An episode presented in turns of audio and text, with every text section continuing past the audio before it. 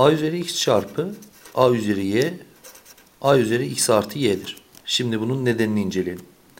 a üzeri x dediğimiz şey a'dan x tanenin çarpımıdır. a üzeri y dediğimiz şey a'dan y tanenin çarpımıdır. Dolayısıyla x tane a y tane a'nın çarpımında toplamda x artı y tane a olacağından sonuç a üzeri x artı y'dir.